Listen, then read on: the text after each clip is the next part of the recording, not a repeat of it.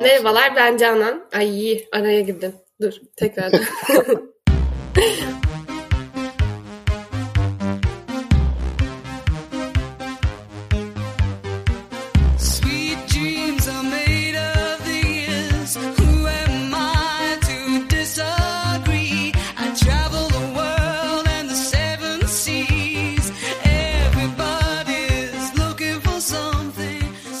Merhabalar ben Canan. Bir Milenyumlu Podcast kanalına hepiniz hoş geldiniz.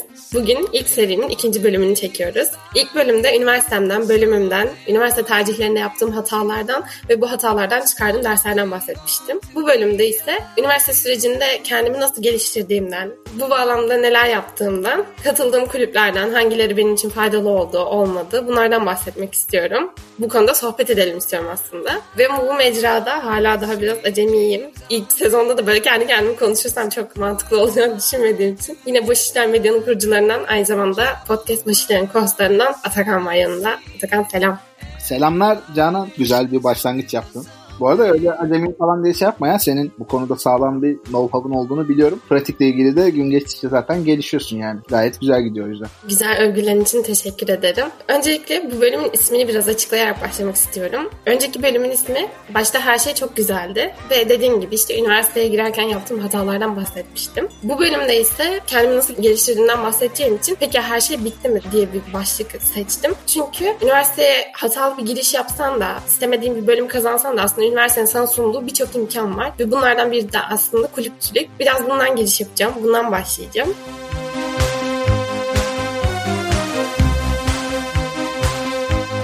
Bugün hemen hemen her üniversitenin birçok kulübü var. Özel de olsa, devlet de olsa birçok üniversitenin birçok kulübü var. Bu kulüpler çeşitlerine ayrılıyor. Yani örneğin eğlence kulüpleri var. Bunlar biraz daha spor gibi, dans gibi insanların hobilerine hitap edecek kulüpler oluyor. Yurt dışı odaklı kulüpler var. Isaac bunun güzel bir örneklerinden mesela.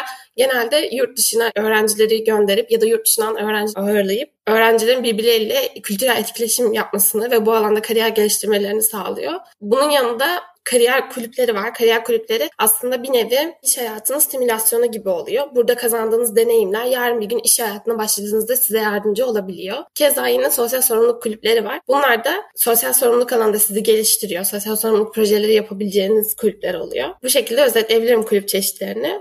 Peki kulüpçülük nedir ve neden önemlidir? Hani neden kulüplere katılmalıdır diye düşünecek olursak aslında dediğim gibi özellikle kariyer kulüpleri gerçek iş hayatının simülasyonu gibi oluyor. Ve kulüplerde farklı sorumluluklar aldığınız için farklı yetkinliklerinizi geliştirme şansınız oluyor. Örneğin farklı bölümlerden insanlarla bir araya gelerek bir iş bölümü yaparak bir etkinlik organize ederek ve onu ortaya çıkararak topluluk yönetimi yetkinliğinizi ya da birlikte çalışma yetkinliğinizi geliştirebiliyorsunuz. Bunun dışında farklı bölümlerden yine insanlarla bir araya gelerek iş bölümü yapıp yapıp ekip çalışması yetkinliğinizi geliştirebilirsiniz gibi gibi özetleyebilirim.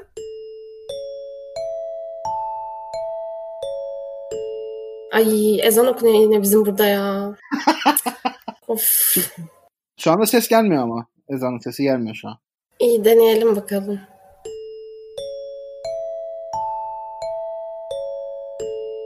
Valla bu konuda sana gerçekten çok katılıyorum. Çünkü ben de mesela üniversite hayatıma girdiğim ilk günden itibaren ciddi bir şekilde tam bir kulüpçülük ekosisteminin içerisinde geçirdim diyebilirim. Baya önüme ne gelirse atladım. Gerçi tabii ki bir tek böyle sporlardan falan birazcık uzak kaldım. Onun da sebebi aslında çok istiyordum ama hep şeydi yani çok ciddi böyle mesai harcanması gerekiyordu. Hani sadece oradaysan orada olman gerekiyor. Diğerlerine çok fazla vakit ayıramıyorsun. Durum vardı. Şimdi biraz daha ayrıntılarına ineriz ama ben bunun faydalarını çok gördüm hani iş hayatına başladığın andan itibaren oradaki yapmış olduğun en ufak bir böyle organizasyon işte 5-10 kişi duruma göre 50-100 kişiyi orada koordine etmiş olman. Beraber bir kahvaltıyı ayarlamak bile bazen inanılmaz bir efor isteyebiliyor. Dolayısıyla bunların hepsinin de yansımasını görüyorsun. Bir de network açısından da ciddi bir etkisi var. Mesela ben bir tiyatro kulübüne gitmiştim. O zaman Ziya Kürküt'ün şeyi vardı. Orada vermiş olduğu bir eğitim vardı. Ona katılmıştım falan.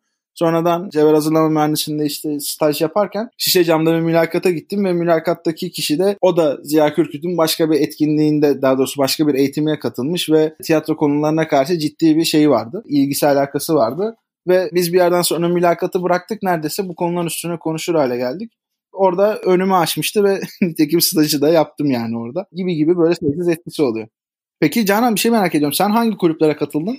Bir sürü burada şey saydım farklı farklı. Hangilerini deneyimleme fırsatı buldun? Öncelikle anlattığın şeylere çok katılıyorum. Bence de bir kahvaltı organize etmek bile çok çok önemli bir deneyim katıyor sana. Çünkü atıyorum o mekanın kaç kişi alacak, nasıl oturacağını, fiyat ayarlaması. Çünkü hani genelde indirim yapıyorlar toplu gelinlerde. Bu gibi şeyleri deneyimlemek bile bence bir öğrencinin öğrenebileceği güzel şeylerden. Ben de üniversiteye ilk girdiğimde böyle çok açtım aslında kulüpleri. Çünkü lisede böyle ufak ufak kulüplerimiz vardı ama ben katılma imkanı bulamamıştım. Yani böyle ders çalışıyordum falan çünkü. Çünkü tıp istiyorum. O yüzden pek fazla kulüplere katılamamıştım. Ya yani yaptığımız ufak çaplı etkinliklere de katılamamıştım. Bu yüzden üniversiteye girdiğimde kulüplere çok açtım ve ilk geldiğim gün böyle bizim okulun hazırlık kısmında standlar açılıyor. Orta bahçelerde bir sürü stand açılıyor. Kulüp standları oluyor. Onların hepsiyle konuşup sanırım ilk gün böyle 6-7 tane kulübe kaydolmuştum ve devlet okullarında da hemen hemen her kulübün bir üyelik ücreti oluyor 10 lira gibi. Böyle cüzi bir rakam. Ve ben ilk gün 60-70 lira sanırım bayılmıştım kulüplere.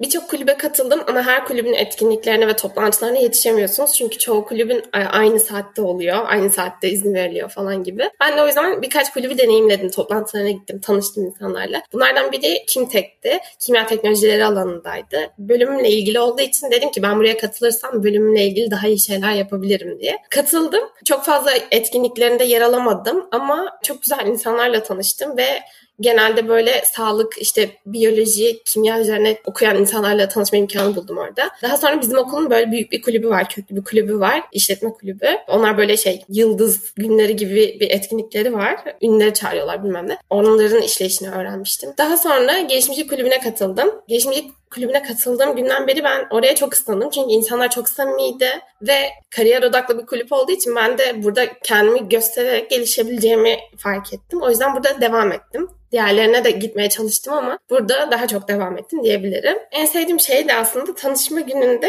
genelde kulüp tanışma günleri çok kalabalık geçer. 50-100 kişi arası. Çünkü hani okulun başıdır ve yeni gelen öğrenciler çok heyecanlıdır kulüplere katılmak için gibi gibi bu etkinlikler biraz kalabalık geçer. Daha önce katıldığım yerlerde mesela hep oturduğumuz masadaki kişilerle tanışmıştık. Yani bu da benim işte 10-20 kişi arası bir tanışma imkanı sağlıyordu. Ama girişimci kulübünde yaptığımız kahvaltıda böyle dönüyorduk birlikte. Hani böyle mesela 10 kişi bir kahvaltı masasında oturdu. 5-10 dakika sonra tanıştıktan sonra diğer yere geçiyorsun, diğer yere geçiyorsun. Hani böyle çok dinamik bir ekip vardı orada. O yüzden benim çok hoşuma gitmişti. Bu şekilde ben kaldım. İlk sene çok aktif bir şekilde orada çalıştım bir sürü etkinlik yaptık beraber. Ben işte orada sponsorluktan etkinlik e, düzenlemeye kadar pek çok şeyi öğrenmiş oldum. Mailing nasıl yapılır aslında öğrendim. Ya mail imzası nedir bilmiyordum ben ya da CC ne işe yarar mailde bilmiyordum. Kime etiketlemen lazım, oraya koyman lazım. Bunların hiçbirini bilmiyordum. O yüzden kulüpçülüğün aktif olarak kulüp üyesi olmanın aslında ekip çalışması kasımı kuvvetlendirdiğini, atıyorum mail yetkinliğimi geliştirdiğini ve özellikle de sponsor bulmayı, işte markalarla iletişime geçmeyi kuvvetlendirdiğini söyleyebilirim. Daha sonra ikinci senemde okuldaki ikinci senemde girişimcilik kulübündeki etkinlik koordinatörlüğü görevindeydim. Burada da çeşitli etkinlikler düzenleme şansım oldu. Farklı konseptlerde etkinlikler düzenliyorduk ve bunu yazın planlamasını yapıyorduk. Yani hani evet senenin içerisinde bazı çalışmalar oluyordu ama bunun bir de önceki çalışmaları oluyordu. Bu bağlamda o etkinlik koordinatörlüğü görevini yaparken ben bir etkinlik grubumuz vardı bizim. Yani hani kulübün içerisine atıyorum 200-500 arası ya da hani daha büyük ölçekli bir kulüp ne kadar kişi ise bir sürü üye sayın oluyor ama belli bir kişi mesela etkinlikle ilgilenmek istiyor. Yani etkinliği düzenlemek, etkinliğin konuşmacılarını bulmak istiyor gibi gibi. Bazıları ise tamamen sponsorlukla ilgilenmek istiyor. İşte o para me- mevzularına katılmak istiyor. Benim de etkinliği organize etmek için bir takımım vardı.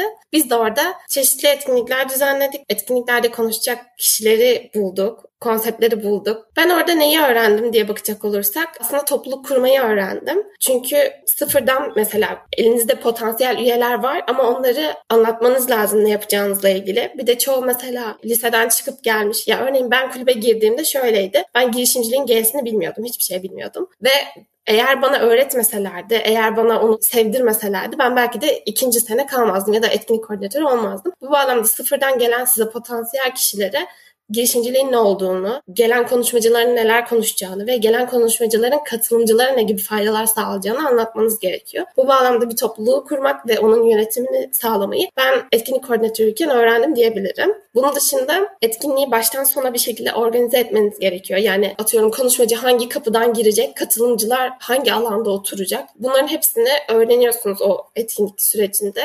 O yüzden organizatörlük ve akış tasarlama yeteneklerimi de geliştirdiğimi düşünüyorum. Buna ek olarak etkinlik düzenliyorsunuz ama ani durumlar olabiliyor. Mesela ayarladığınız bir konuşmacı etkinlikten bir hafta önce diyor ki benim bir işim çıktı takvime uymuyor gelmeyeceğim gibi böyle şeyler söyleyebiliyor.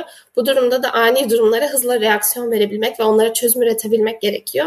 Ben bunu kulüpte etkinlik koordinatörlüğü yaparken geliştirdim diyebilirim. Keza yine bütçe ve zaman yönetimini öğrendim diyebilirim. Çünkü mesela sponsorluk için gidiyorsun bir sürü kuruma ya da beraber etkinlik organize edebileceğin kişilerle konuşuyorsun. Onlar sana sponsor oluyor. Belki de maddi yardım ediyor. Ve bunları da siz etkinlik boyunca neye ihtiyacınız olduğuna göre yedirmeniz lazım. Yani örneğin bir sahne tasarımına mı ihtiyacınız var? Bir sahneye mi? O zaman sahneciye yazıyorsunuz. Ya da bir yaka kartına mı ihtiyacınız var etkinlikte dağıtmak için? Aldığınız bütçeyi o yaka kartlarına, oradaki konulacak kağıtları nasıl dağıtabileceğinizi öğreniyorsunuz. Yani paranın nasıl kullanılacağını da biraz öğreniyorsunuz diyebilirim. Keza zaman yönetimi de yani bir etkinliği organize etmek için ne kadar zaman ayırmam lazım ya da etkinlik günü etkinlikteki kaymaları nasıl yönetebilirim, konuşmacılara nasıl uyarabilirim bunları da öğreniyorsunuz. Ben aslında etkinlik koordinatörüyken bunların hepsini deneyimledim ve öğrendim diyebilirim. Ya bunların hepsi gerçekten birbirinden değerli yetkinlikler aslında. Yani hepimizin tüm iş hayatı boyunca ihtiyaç duymuş olduğu ve öyle bir şey ki ne kadar geliştirsen de bir tık ötesinin olduğu konular. Mesela bir sosyal sorumluluk projesi yapmıştık. Oradan bir örnek vermek istiyorum. O iki dönem, daha doğrusu dört dönem devam etti de ben iki döneminde oradaydım. Ya o kadar zorluydu ki proje şuydu. İstanbul'daki daha doğrusu ülke genelindeki köy okullarının fiziksel ve eğitsel açıdan kalkındırılması isminde bir projeydi. Projenin ismi de Oyuna Devam'dı hatta. İşte Bülent Ortaçgil'in böyle müziğinden ithafen birazcık da çünkü eğlenceli bir ekiptik ve bu tarz işleri yaparken de eğlenmeden olmuyor yani gerçekten. Hem de bir işte sosyal fayda sağlama amacımız vardı. İşte bir yandan Nesin Vakfı ile falan da yapmış olduğumuz ortak etkinlikler vardı. 23 Nisan'da onların vakıfta düzenlediği etkinliğe gidip çocuklarla beraber vakit geçirip çeşitli çalışmalar yapıyorduk. Ama bu okullara fiziksel gelişimini yapma, bildiğin inşaat işi yapmaktan bahsediyorum. Yani okul dökülmek üzere gidiyorsun o okulu hakikaten bildiğin böyle duvarını kırıp baştan sonra o duvarı örüyorsun. Temel atma dışında her işi yaptık yani orada. Tuva yaptık, bildiğin harç kardık, işte tuğlaları döşedik. Onun üstüne sıvasını ve astarını yaptık. Ondan sonra boyasını yaptık. Şekiller çizdik. Pek çok böyle inşaat, harfiyat işleri yaptık yani. Bayağı e, yorucuydu ve bunu hafta sonumuzda yapıyorduk. Hatta o kadar olaya bağlı durumdaydık ki işte o zaman hazırlıktaydım ben. Proficiency sınavımız vardı işte tam hazırlığa geçtim mi kaldım mı sınavı.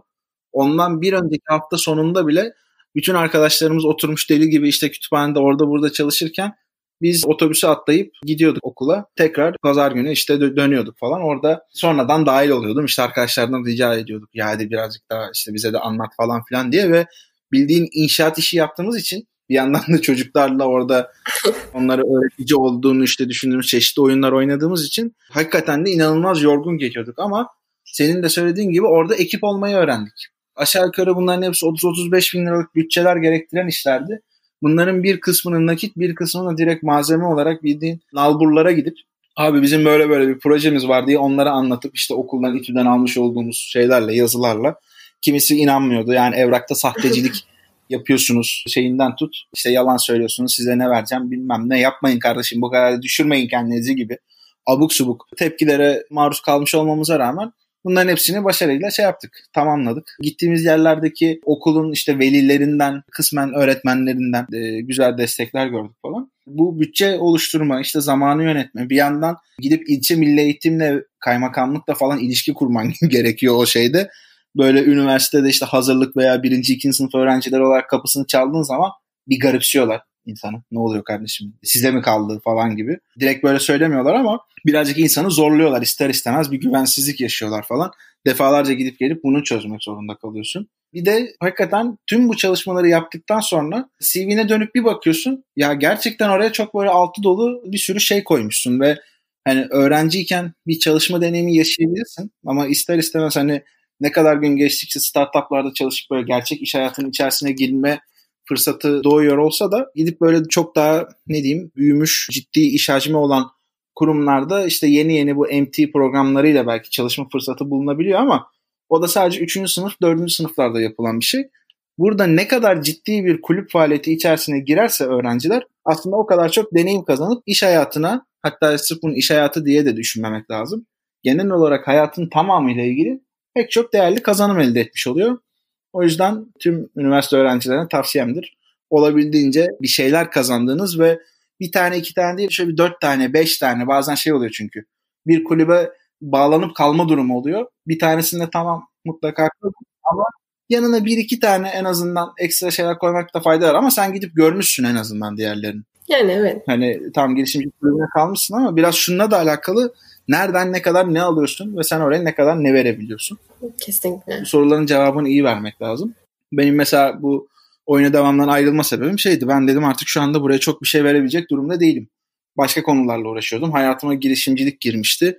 İşte bir startup kurma arifesindeydik falan. Dolayısıyla daha fazla orada durmam ekibe zarar verebilirdi. Zaten arkadan da gelen arkadaşlar vardı. Onlara ufak tefek destek olduk. Onlar da gayet güzel şekilde götürdüler sonradan.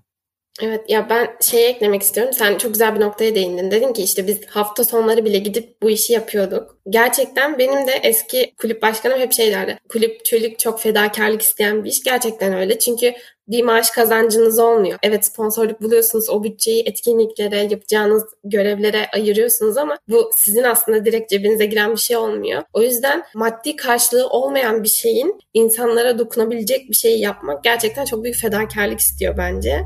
Bir de şunu eklemek istiyorum. Ben mesela böyle üniversiteye ilk girdiğim sene çok fazla işte oraya buraya gidiyorum, oradan buradan fotoğraflar atıyorum. Arkadaşlarım bana hep şey diyordu. Bizim okulda kulüp yok. Bizim okuldaki kulüpler çok aktif değil. Ben bunun hem devlet hem özel tarafında bir yorum yapmak istiyorum. Devlet okullarında evet kulüp açmak mesela bir tık daha zor olabiliyor. Ama istediğiniz kulüp yoksa okulda yani heyecanı duyduğunuz kulüp yoksa okulda gidip kendiniz de kurabilirsiniz. Öncelikle topluluk olarak oluşup, öğrenci topluluğu olarak oluşup daha sonra kulüpleşebilirsiniz. Ve gerçekten heyecan duyduğunuz alanda sizin gibi heyecanlı olan kişilerle birlikte güzel işler başarabilirsiniz. Özel okullarda mesela kulüpçülük yapmak, kulüp açmak daha kolay oluyor. Bu yüzden bence eğer okulunuzda sizin sevdiğiniz kulüp yoksa ya da size hitap eden bir kulüp yoksa kendiniz de bu işin altına elinizi koyun ve bence kulüp açmaya çalışın. Keza şöyle de bir şey var. Bizim mesela okuldaki kulüplerden gördüğüm kadarıyla söylüyorum bunu. Okullardaki kulüpler fahri üye alımı yapıyor. Mesela Marmara Üniversitesi'nde okuyan biri Yıldız Tekniğe gelip bizim girişimci kulübüne üye olup burada faaliyetlere katılabilir, toplantılarımıza katılabilir, etkinliklerimize gelebilir. Bu yüzden bence eğer gerçekten bunu deneyimlemek istiyorsanız kulüpçülük nedir, buradan ne kazanabilirim görmek istiyorsanız hani kendiniz açmaya çalışın ya da fahri üye olarak başka üniversitelerin kulüplerine katılın ki eğer hani şey değilse hani sizin okulunuzda gerçekten aktif bir kulüp yoksa diyeyim. Bunu eklemek istemiştim. Bence çok önemli oldu. Bu arada bir kulübün kurucusu olmak da bütün kurumlar için bence son derece önemli ve güzel prestij sağlayacak bir şey. Kesinlikle yani çünkü sıfırdan bir startup kuruyormuş gibi oluyorsun. Çünkü startupta da belli bir süre kazanım yapmıyorsun. Maddi bir kazanım yapmıyorsun. Önce çalışıyorsun, argesini yapıyorsun. Kulüpçülükte de öyle. Zaten tamamen fedakarlık isteyen bir şey ama sen sıfırdan seninle fayda yaratmak isteyen insanlarla bir araya gelip insanlara dokunabileceğin bir ortam yaratıyorsun. Bence şey çok güzeldi bir de hani insanlarla bir araya gelerek farklı fikirler hakkında da konuşmak. Yani biz bir araya geldiğimizde toplantı yaptığımızda bir saati toplantıydı. iki saat atıyorum muhabbetti, sohbetti. İşte gelişimcilik kulübündeyiz zaten. Gelişimcilik ekosistemden konuşuyoruz. İşte yazın hangi stajlara gidebiliriz, hangi programlara katılıyorsun. Böyle aslında birbirimizi destekleyecek şeyleri de paylaşıyorduk.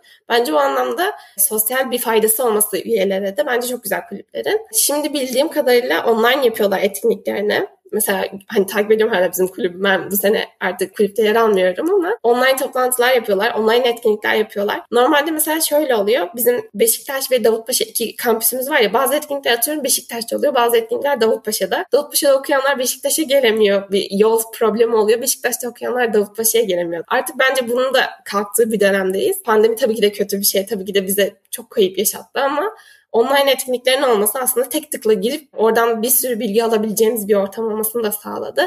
Bu yüzden bence bunları da kovalamaları gerekiyor insanların diye düşünüyorum. Ben de hala ilgimi çeken kulüplerin etkinliklerine katılmaya çalışıyorum. Evet bu pandemi zaten herhalde hayatımızda herkesin tartışmadan kabul edecek olduğu sağladığı en önemli artılardan birisi. Yani tek artısı belki de. Bu remote çalışmayı hayatımıza getirmiş olması. Hep konuşulan bir konuydu ama işte eğitimden sağlığa, profesyonel iş hayatına, kulüplere, aileler arasındaki birebir ilişkilere kadar her türlü konuya girmiş durumda ve aslında hani birebir temastan yana eksik olmasının vermiş olduğu bir tatsız taraf var ama daha çok etkinliğe katılabilme ve belki biraz daha konsantre şekilde takip edebilme adına da önemli bir katkı sağlıyor. Evet bence de katılıyorum. Çok güzel özetledin konuyu. Teşekkür ederim. Bu bölümün yavaş yavaş sonuna geliyoruz. Yani aslında sona geldik. Bu bölümde üniversite kulüplerinden bahsettik. Kulüpçülük nedir onlardan bahsettik.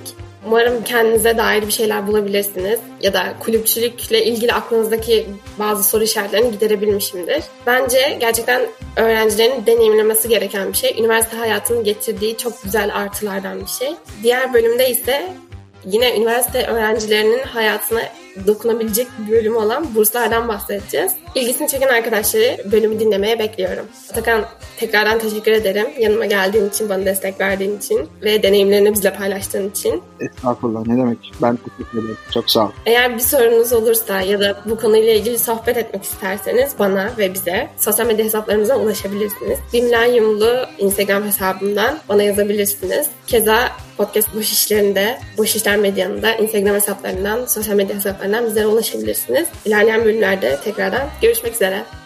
Atakan sen söyle. Görüşmek üzere.